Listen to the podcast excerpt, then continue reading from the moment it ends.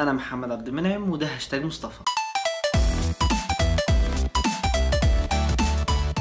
Hi السلام عليكم ازيكم؟ عاملين إيه؟ تمام الحمد لله رب دايما تعرف ناس كتير مش عارفين لكن أنتم من 17 واحد فاكتوا على الحلقات اللي فاتت يبقى الحمد لله هتعرفوا تفهموا الحلقة دي كويس جدا لكن أنتوا الجدد دي وربنا يستر. في احصائيات كتيرة بتقول إن أغلب الموبايلات اللي هيتم إنتاجها في 2017 هتكون فيها خاصية البصمة وفكرة توفر البصمة في أغلب الموبايلات هتخلي في سهولة في الاستخدام علشان تقدر تفتح الموبايل كل عليك إنك تلمس منطقة معينة في الموبايل والموبايل يتفتح محتاج بقى تكتب أي كود أو أي حاجة. ونقدر نقول إن ظهور خاصية البصمة بشكل قوي بدأ في 2013 مع إطلاق موبايل ايفون 5 اس واللي كان من أهم المميزات فيه هي البصمة. وفي 2014 سامسونج أطلقت جالاكسي اس 5 وده كان أول موبايل من سلسلة موبايلات سامسونج تحمل خاصية البصمة. يعني ايفون 5 اس هي كانت بداية ظهور تقنية البصمة في الموبايلات. لكن أول موبايل كان فيه خاصية البصمة هو موتورولا اتريكس 4 جي اللي تم إطلاقه في 2011 الموبايل ما كانش أخد حقه وكانت خاصية البصمة مش واخدة كمان حقها في الوقت ده لكن مع إطلاق ايفون 5 اس تقنية البصمة كانت ظهرت بشكل جميل جدا وكل الناس تأقلمت معاها وكانت مقتنعة بالفكرة. ومع الوقت تقنية البصمة بدأت تنتشر في كل الشركات تقريبا وكل الشركات بقت بتحاول إن هي تطور تقنية البصمة علشان البصمة عندها تكون أسرع وأحسن. وبقت البصمة من أهم المميزات عند أغلب الموبايلات وبقت الاختلاف ما بين الموبايل والموبايل التاني مش في وجود البصمة أو عدم وجودها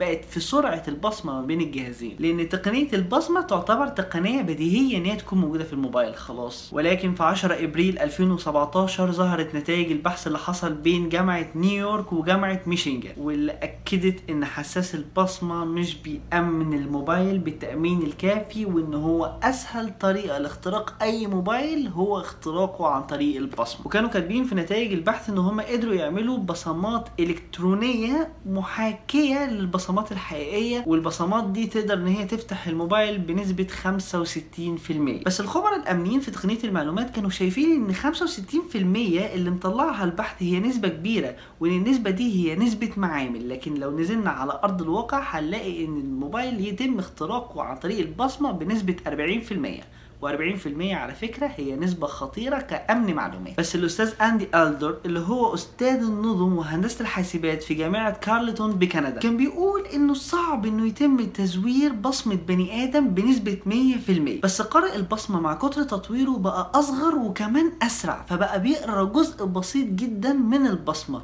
لو قرأ الجزء ده ولقاه بيتطابق مع البصمة الكاملة فساعتها هيفتح الموبايل على طول. ولما تيجي تسجل بصمتك في الموبايل الموبايل بيطلب منك ما بين 8 لحد 10 صور لبصمتك. عشان لما تيجي تفتح الموبايل بتاعك الموبايل يفتح بسرعة لمجرد ما يقرأ جزء من بصمتك. واغلب الناس مش بتضيف بصمة صباع واحد هي ممكن تضيف بصمة صباعين أو ثلاثة أو حتى أربعة أو حتى العشر صوابع كلهم علشان لما تمسك الموبايل بأي وضعية على طول تقدر إن هي تفتح الموبايل. وكتر البصمات اللي بتتسجل على الموبايل بيخلي عملية اختراق الموبايل عن طريق البصمة أسهل أسهل بكتير. يعني كأنك بتخلي للإيميل بتاعك 30 باسورد واللي بيخترقك محتاج password واحد بس. ولو حبينا نستغل نتائج البحث ده شوية ممكن نعمل مثلا جوانتي يكون فيه البصمات الرئيسية. جوانتي ده لو تم إطلاقه في السوق فهو ممكن يفتح لك أي موبايل بعد خمس مرات من التجربة. وأغلب موبايلات الآيفون بيطلب منك إنك تدخل ال PIN code في حالة إن هو ما قراش الموبايل خلال خمس مرات بس أنت لو وصلت للخمسة ففي الأغلب الموبايل هيشتغل. فساعتها خاصية البصمة ملهاش لازمة. الفكرة بقى إن شركات الموبايل لحد دلوقتي بتتباهى بسرعة البصمة. الموضوع ده ممكن يضايق أكتر مستخدمين الآيفون 7 لأن آيفون 7 في أسرع قارئ للبصمة. آه سامسونج إس 8 هتنزل بموبايل جديد بس هو لسه pre-order فمفيش حد جرب البصمة بتاعته وقال إن هو سريع أو أبطأ أو حتى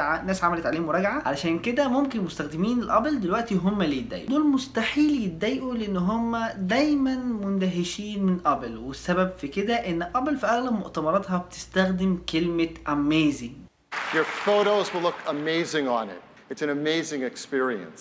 This is an amazing display. And inside it, something even more amazing. So we've got an amazing display. You can see they're both amazingly thin.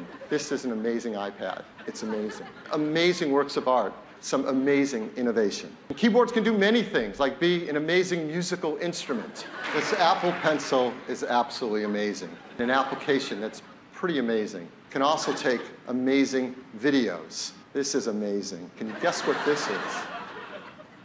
It's amazing. كتر استخدام كلمة amazing في مؤتمر ابل حاجة amazing بس دي لو بتجيب مستخدمين الابل فأنا ممكن أستغلها. فيا أيها ال 17 واحد ال amazing ادخلوا على هاشتاج مصطفى على تويتر ال amazing واكتبوا هاشتاج مصطفى amazing وطبعا مش هعرف أعمل حلقة جديدة غير لما يعدي الهاشتاج 17 تغريدة amazing ما تنسوش ال amazing like وال amazing share وال subscribe العادي اللي ممكن يكون amazing subscribe لو أنت فعلت مع التنبيهات. كان معاكم محمد عبد المنعم ال amazing من هاشتاج مصطفى ال amazing سلام.